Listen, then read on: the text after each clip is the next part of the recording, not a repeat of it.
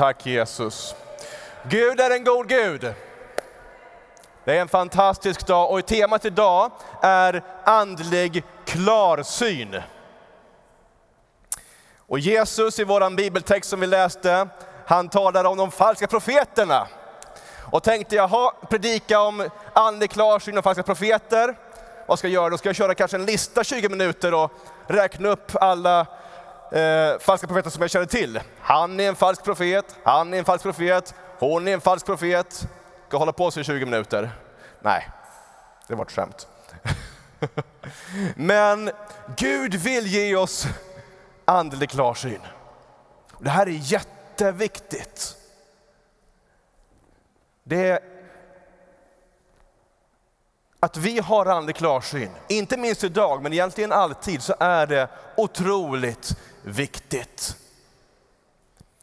En sak i våran rustning, den andliga vapenrustningen som Paulus talar om i Efesierbrevet, är ju sanningens bälte, eller hur? Att vi inte far och flyger. Det är en bild från de romerska soldaterna som jag hade ungefär som jag, liksom kåpor och sådana här äh, mantlar. Stod de sen på linje och det började blåsa, då kommer den här manteln fara och flyga, eller hur? In i grannens svärd och spjut och så blir det bara ett trassel av alltihopa. Då är det bra med ett sanningens bälte.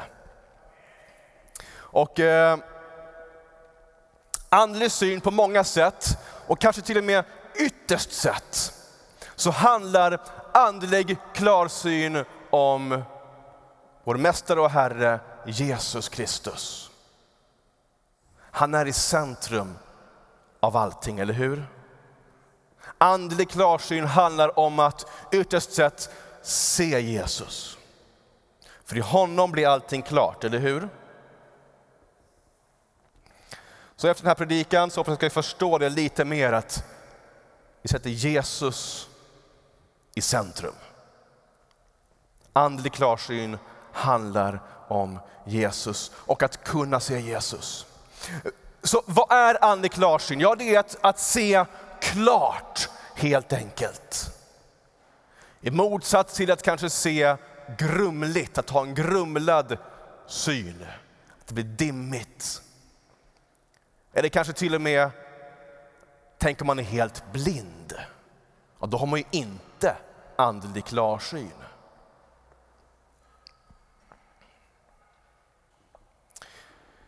Ibland så vet man kanske inte vad som är helt klart för att man har blivit så, så van vid det grumliga. Och jag tar ett exempel. Nu har jag linser på mig, jag brukar ha glasögon annars för att jag är för lat för att ha linser. Men när jag var 12 då, då märkte jag i skolan, en klassiker, Kristoffer kan inte läsa längre. Han ser inte vad som står längst fram på tavlan. Och så fick jag glasögon. Där vi bodde då, där jag växte upp, så eh, utanför vårt fönster så var det en ganska stor äng i Upplands Väsby. Jag ett förortsbarn. Vi bodde liksom i ett radhus på kanten av liksom all, hela området, så vi hade en äng utanför oss. Det var väldigt fint. Och där, sett kanske en två, 250 meter bort, så var det skog. Och då ser man ju skog, eller hur? Träd som sticker upp. Och så när jag får på mig glasögonen, då, när jag kommer hem med glasögonen första gången, så ser jag, man kan inte bara se konturen, liksom fält och, och träd. Och så lite så här böljigt vad träden är. Jag kunde se alltså, taggarna och, och liksom bladen och de här äh, ja, metall, vad heter de metallpinnarna? Av sak vad de heter. Jag kunde se konturerna, detaljerna. Och jag hade ju glömt bort att man skulle kunna se så. För att progressivt så hade min syn försämrats medan jag inte verkte det. Jag hade inte fysisk klarsyn, men visste inte om det. Jag tänkte, så här ska man ju kunna se. Tills jag fick på mig glasögon och upptäckte att oj vad kass min syn var. Ska jag kunna se så många detaljer. Ja, det ska du. Gud vill ge oss andlig klarsyn mer än vad vi tror. Och Det innebär att det finns sånt framför oss som vi kanske inte ser. Eller vi kanske bara skönjer att ja, men det är någonting här. Jag har ingen aning om vad det är. Något lite fuffens är det här kanske. Men Gud vill ge dig detaljerna. Och vad heter det? Eh, alltså, nu såg jag att skogen fanns där. Men om man har varit helt blind, då hade ju inte jag sett någon skog alls, eller hur? Men även om inte jag hade sett skogen där borta, så eller hur, den hade ju ändå funnits där. Och det innebär att det finns en del som kanske är andligt blinda, eller snarare det finns de som är andligt blinda, som säger nej, nej, nej, det där finns inte. Men det finns likväl. Hade jag varit helt blind hade jag sagt nej, men jag har väl aldrig sett någon skog där borta, här, här finns ingen skog. Men skogen finns likväl, 250 meter bort från mitt barndomshems fönster. Andlig klarsyn, öppnade ögon. Det vill Jesus ge oss. Och just det här temat som vi har då, det som Jesus talar om också, det innebär ju att det finns sånt som är andligt. Ibland även i kyrkan så är vi som slags kristna ateister. Vi tror att det finns änglar, men säger någon hej jag såg en ängel, ja, då blir det skeptiskt. Nej, men inte finns de väl här? Ja, de finns här, men man kan inte, nej. Det är ja men nej samtidigt. Men det finns andliga ting, varelser och krafter och sådana här saker. Både från Herren, från Guds rike, men också det som har vänt sig bort från Gud. Paulus skriver i Efesierbrevet så här, kapitel 6 och vers 11. Är det någon som kan det? Vart stå, vad står det där? Ty vi strider inte mot kött och blod utan mot förstar, väldigheter, världshärskare här i mörkret, mot ondskans andemakter i himlarna. Paulus till och med säger att vår främsta fight är inte mot människor och det som är i det fysiska, utan vår främsta fight, det är mot det som vi inte ser med, med de här ögonen. Den fighten fightas vi både med det fysiska, alltså vi beter oss, och i det andliga genom bön och proklamation och sådana saker. Det andliga påverkar det fysiska på flera sätt. Bråk kan uppstå genom en andlig attack så att säga. Ganska vanligt skulle jag påstå. Det kan också uppstå genom någonting som bara sker rent mänskligt. Allting är inte andliga attacker, men en del saker är det. Om ett bråk i en relation har sin grund i en andlig attack, då behöver jag be. Det är en andlig verksamhet.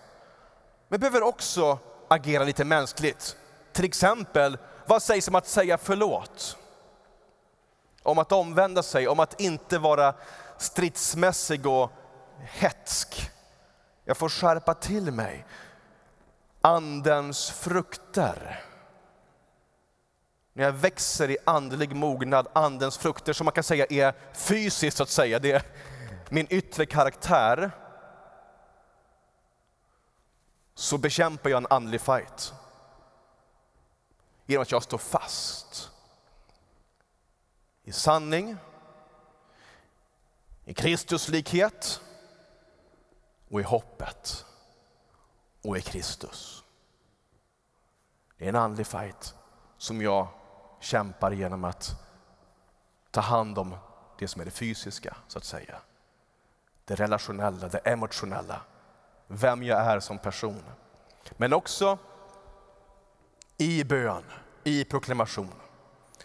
Sen så kan det gå åt andra hållet. Alltså sånt som vi gör i det fysiska påverkar det som är det andliga. Alltså om jag springer runt och offrar en massa kaniner på ett upp och nervänt kors. Det blir inget bra, eller hur? Det fattar vem som helst. Det bjuder in han där nere. Gör inte det. Det är dumt. Men eller hur? Någon, nu är ett ganska grovt exempel, men sånt som man gör i det fysiska påverkar också det andliga. Vad jag släpper in. Om jag håller på med tarotkort, det är fysiskt. Ja, men det är bara lite kort, lite papper och bilder på. Nej. Du bjuder in bra mycket mer än vad du kanske förstår. Anden i glaset, svarta madame i skolans eh, toalett och så vidare. Nog är det fysiskt, men jag bjuder in någonting som jag inte ser, men som likväl finns där. Och där krävs andlig klarsyn. Hänger ni med? Det hänger ihop åt båda hållen. Men Gud är väldigt god. Andlig klarsyn, det handlar om regentskap. Vem är det som har makten att kunna se? Och ytterst sett då, Jesus har makten.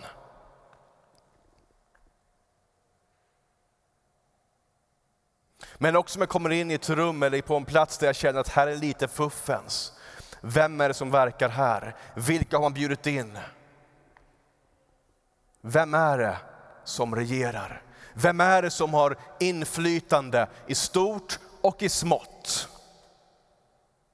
Även för den som är frälst så kan man ju likt Jesus i ett semane så hade han inte bara änglar som viskade i hans öron, han hade en annan, en eh, orm som viskade ganska mycket i hans öron, fast han var Jesus själv. Vem är det som har inflytande? Eller vem är det som söker inflytande? I andlig urskiljning. Att känna igen rösten. Fåren känner herdens röst, halleluja. Höjden av andlig klarsyn.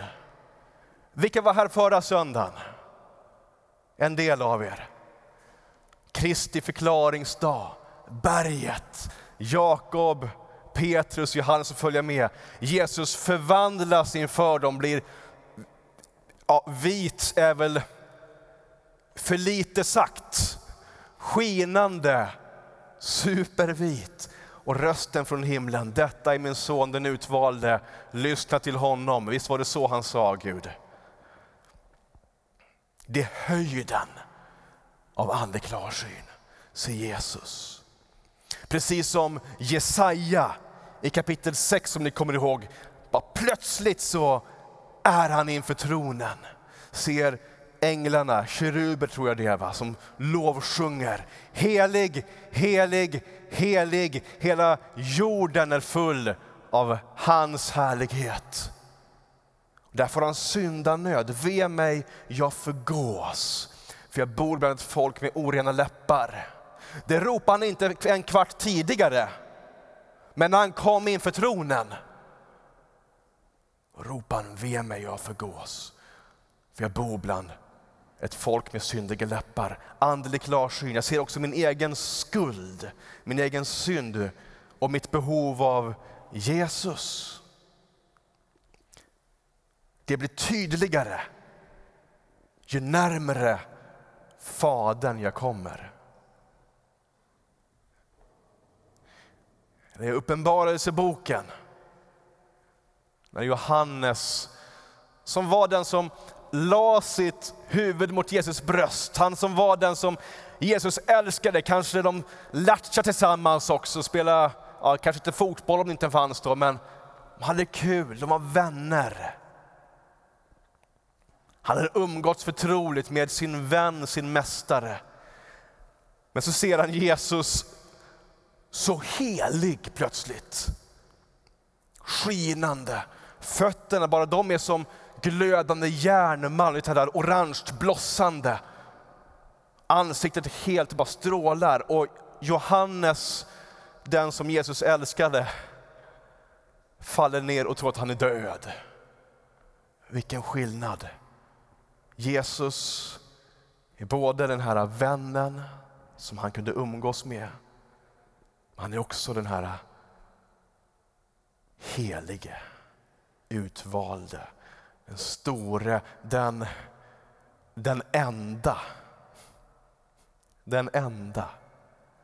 Tänk att få se de två perspektiven på vår mästare Jesus. Både det.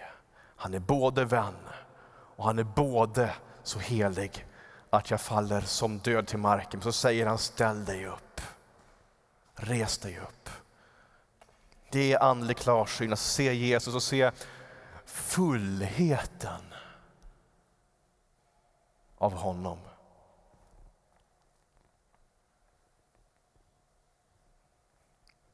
Andlig klarsyn handlar också om att se vilka vi är. Vad Gud har lagt i oss som kristna, som frälsta. Vi, vi är inte bara frälsta så har vi liksom en biljett till himlen så går vi runt i ett vakuum och försöker sköta oss. Utan redan nu så är vi på nytt födda. Redan nu så har Gud lagt ner löften i oss. Redan nu så har vi makt i Jesu namn när vi ber. Redan nu så får vi andliga gåvor. Redan nu så bor den som väckte upp Jesus från de döda. Redan nu bor han här. Fast jag ser likadan ut som tidigare så är det en skillnad. Kolosserbrevet, som jag läste tidigare, jag ska läsa hela den versen. Tänk på det som är där ovan. Tänk på det. Fäst mer din blick uppåt än neråt. Tänk på det som är där ovan, inte på det som är på jorden. Ty ni har dött och ert liv är dolt i Kristus. Även om det kanske är dolt så finns det likväl, eller hur? Även om jag var blind, nu var ju inte jag blind, men skogen hade funnits ändå. Även om jag kanske inte alltid ser vad Gud har lagt i mig, så finns det där ändå. En urkraft, en källa som aldrig sinar. Andlig klarsyn att förstå och se det mer och mer och börja gå i det mer och mer. Så att Petrus kunde kliva på vatten. Han gick i alla fall ett steg, det tycker jag han ska ha en stor eloge för. Vi tänker på så här, Petrus han föll, han plurrade i, han kunde inte tro. Ja men ett steg, hur många har gått ett steg på vatten? Jag tycker det är bra nog. Det är utmanande nog för mig vad som är möjligt för den som tror. Ty ingenting är omöjligt för den som tror. Fast det kanske är dolt i Kristus. Men då krävs andlig klarsyn. Amen. Halleluja. Hörni, jag har två timmars predikan till. Är ni, är ni med eller? Nej, ja, vi, ska, vi ska börja runda av. Jag vill säga någonting kort om profeter bara och sen ska vi gå in för landning. Just för att Jesus talar om profeter. Han varnar för falska profeter. Men då innebär det ju, han, han, han, han kunde ha sagt, håll er borta från var och en som tror sig ha hört från Gud. Det sa han inte. Han sa inte håll er borta från var och en som säger att de är profet. Nej, det sa han inte heller. Han sa akta er för de falska profeterna. Och så gav han lite förstånd i det. Kolla på frukten. Easy peasy. Frukten, kolla på frukten. Håll er borta från dem. Men det innebär att det finns sanna profeter såklart. Det gör ju det. Till och med idag. Vi är inte så jättevana vid att tala så mycket om det. Men det finns profettjänster idag, det finns profeter idag. Gud vill kalla till profeter idag. Annars hade Jesus sagt, håll er borta från var och en som säger att de är profet. För att, nej, hörni lärjungar, ni förstår att den tjänsten kommer sluta på Galgata och sen så blir det inga mer profeter. Johannes döparen och jag är de sista, alla andra är bara bedragna. Sa han det? Nej. Paulus, han talar om tjänstegåvorna. Efesierbrevet 4, vers 11. Och han, den helige Ande, Gud Fadern, Jesus Kristus, han gav några till apostlar, andra till profeter, andra till evangelister, andra till herdar, det är vi mycket mer vana vid i hela kyrkan, över hela världen faktiskt. Och andra till lärare. Och de, vad ska de göra? Jo, de skulle utrusta. Inte glänsa och skina över alla andra. De skulle utrusta. Vill du bli utrustad? Då behöver du en lärare som utrustar dig. Du behöver en herde som utrustar dig. Du behöver en evangelist som utrustar dig. Du behöver en profet som utrustar dig. Du behöver en apostel som utrustar dig. Och nu ska vi inte gå in på allt vad de gör, men det finns profettjänster. De ska utrusta de heliga till att utföra sin tjänst och bygga upp Kristi kropp. Bygga upp Kristi kropp. Tills vi alla når fram till enheten i tron.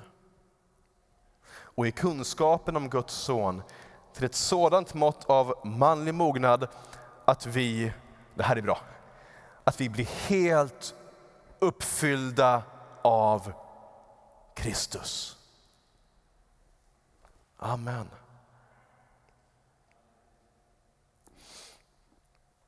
Men det innebär också att även om du kanske inte är profet så kan du höra Guds röst. För vi lever i ett nytt förbund med Jesus, en helig ande bor i oss. Alla ska kunna profetera, alla ska kunna höra. I alla fall till ett visst mått. En del kanske säger, ah, men jag är inte profet eller något sånt där, inte profetisk, jag kan inte alls höra Guds röst. Nej, jag ska inte ens försöka. Andra kanske säger, ah, men, nej, jag vi förstår, ah, jag är inte evangelist så att jag, ah, jag skulle vilja men jag berättar aldrig om Jesus. Har ni hört någon säga så? Kanske har du själv sagt så, att nej, men jag, nej, hörni, jag, jag är ingen evangelist, jag, jag gör inte det där. Men det är ingen som säger, nej men hörni, förstår, jag är ingen herde så jag är aldrig snäll. Har någon hört någon säga så? Nej, det är ingen bra ursäkt. Eller så här, nej men hörni, jag förstår, nej, jag skulle gärna vilja men jag, jag är ingen lärartyp. Jag är ingen lärare. Ah, jag läser aldrig Bibeln. Det är ingen som säger så heller. Det är ganska dumt att säga så. På samma sätt med de andra sakerna. Inte för att kanske har just tjänsten, men alla kan läsa Bibeln, alla kan be, alla kan höra Guds röst, alla kan dela om Jesus. Alla kan ju faktiskt vara lite Kristuslik och göra en god gärning. Eller hur?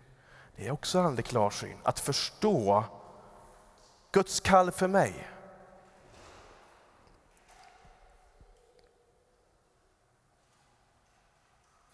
En profet, eller snarare en falsk profet, är inte en som råkar få det fel ibland. Man kan profetera fel, man kan höra fel, man kanske inte har lärt sig skilja mellan vad som är mitt hjärtas röst och vad som var Guds röst. Det gamla förbundet, profeterar man fel, då kom det en sten. Parabang, han ska stenas. Leder folket fel. Men vi har lite mer nåd i ett nytt förbund. Amen. Vi ska ha nåd med dem som råkar få det fel ibland, för de försöker höra Herrens röst. Om du får ett ord, eller om du ser en prof, någon som är profet eller tror att Gud har kallat till profet som får det fel. Man ska hålla till svars för det och säga kanske, men förlåt, det där, var inte, det där gick, det vart ju inte så. Man tar ansvar. Men bara för det är man inte en falsk profet, utan som Jesus säger, vad var en falsk profet? De som i sitt inre är rovlystna vargar. Rovlysten. Vill roffa åt sig. Har falska intentioner. Andra dolda agendor. Egoistiska agendor. Då är man illa ute. Klädda som får. De försöker se ut som att de är i kyrkan och håller med, men i sitt inre är de rovlystna vargar. De bär på dålig frukt. Man ser på frukten genom åren. Och kanske till och med att de har orena källor. Lyssna på någon annan från bottenvåningen istället. Eller någon av hans anhang. Och som djävulen kan ju Bibeln. Försökte lura Jesus några gånger ute i öknen. Men det var en falsk källa. Det var en annan agenda.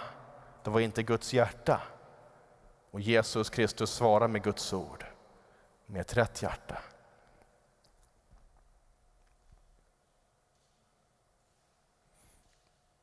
En profets uppgift är inte, som en del kanske har tänkt,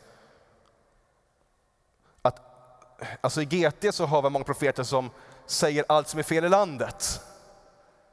En profet är de som bara säger Israel, ni gör fel, och ni syndar och ni gör det så dåligt och det här måste ni omvända er. Hel, alltså det är ganska mycket fullt av det i GT, eller hur? Men det är inte profetens främsta uppgift.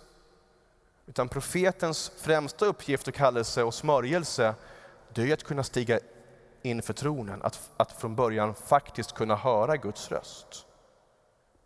I ett förbund där man inte gjorde det annars, eller hur? Att koppla med det himmelska. Så att det inte bara blir religion. Vi gör och gör, men det kopplar inte uppåt. Ibland kan bön kännas som kanske flaskpost. Ni vet, jag skriver en liten lapp, skickar det i flaskposten och kastar ut den i plurret. Kommer någon någonsin hitta den flaskan? Jag läste en artikel här för några veckor sedan om en tjej som hittade en flaskpost som någon hade kastat ut, så tror det var 20-talet. Någon Charles som var 12 eller sånt där, jag vet inte. Massa år senare, hundra år senare. Men bön är inte flaskpost. Bön går raka vägen upp till tronen. En profets uppgift är att hjälpa oss att koppla ännu mer. Uppåt och neråt, neråt och uppåt till tronen.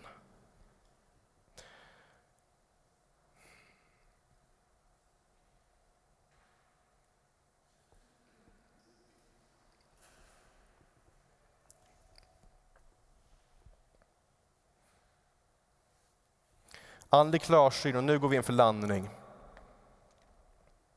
handlar om Jesus. Vi jämför med Jesus.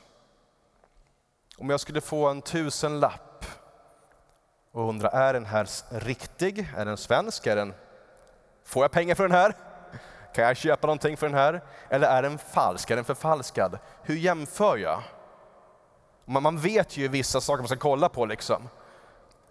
Det kan se skillnad mellan monopolpengar och våra pengar i Sverige, eller hur? Hur vet man det? Jo, för att man har sett originalet, eller hur?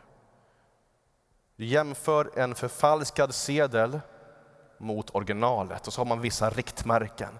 Kolla på den här magnetremsen eller vad det är för något. Kolla på de här märkena, kolla på de här vattenmärkena. Jämför på originalen, titta på det och det och det. Så är det också med urskiljning. Jämför med Jesus. Ju mer du umgås med Jesus, desto närmare du lär känna Fadern, den helige Ande, ju mer urskiljning kommer du ha desto mer kräsen kommer du bli och känna, nej men det här luktar inte bra. För han är fridsförsten. Ju närmare jag kommer honom, desto snabbare jag kommer upptäcka när någonting inte är från himlen. Umgås med Jesus.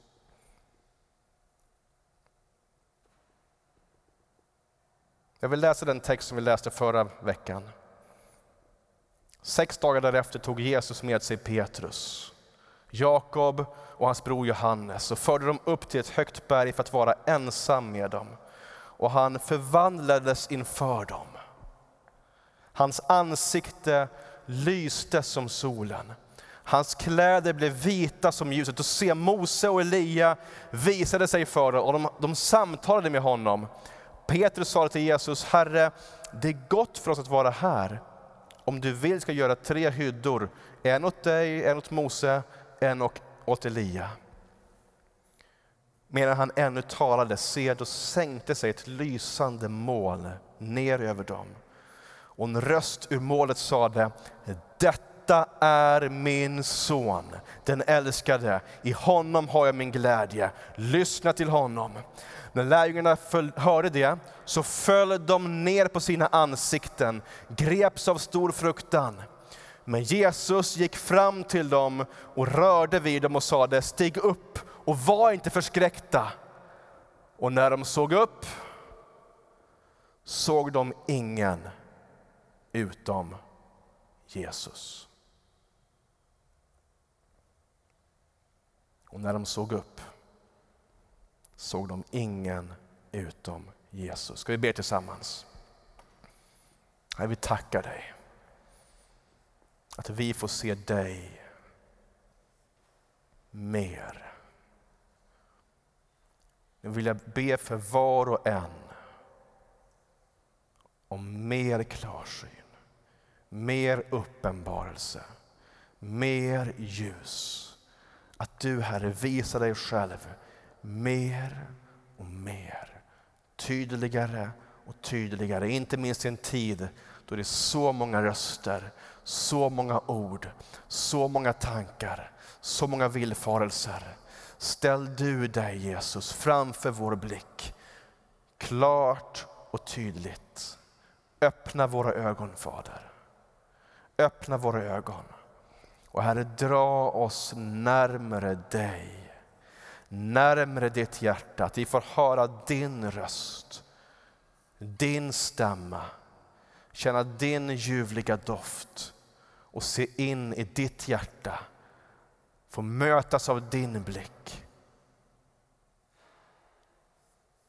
Kom heligande, fyll oss med dig. Ge oss andlig klarsyn. Väck våra andar. Ruska oss fria från allting som tynger. Sätt på oss alla här idag ett sanningens bälte och förlös en uppenbarelsens ande över hela församlingen idag. Att vi får se klart. I Jesu namn. Amen. Amen.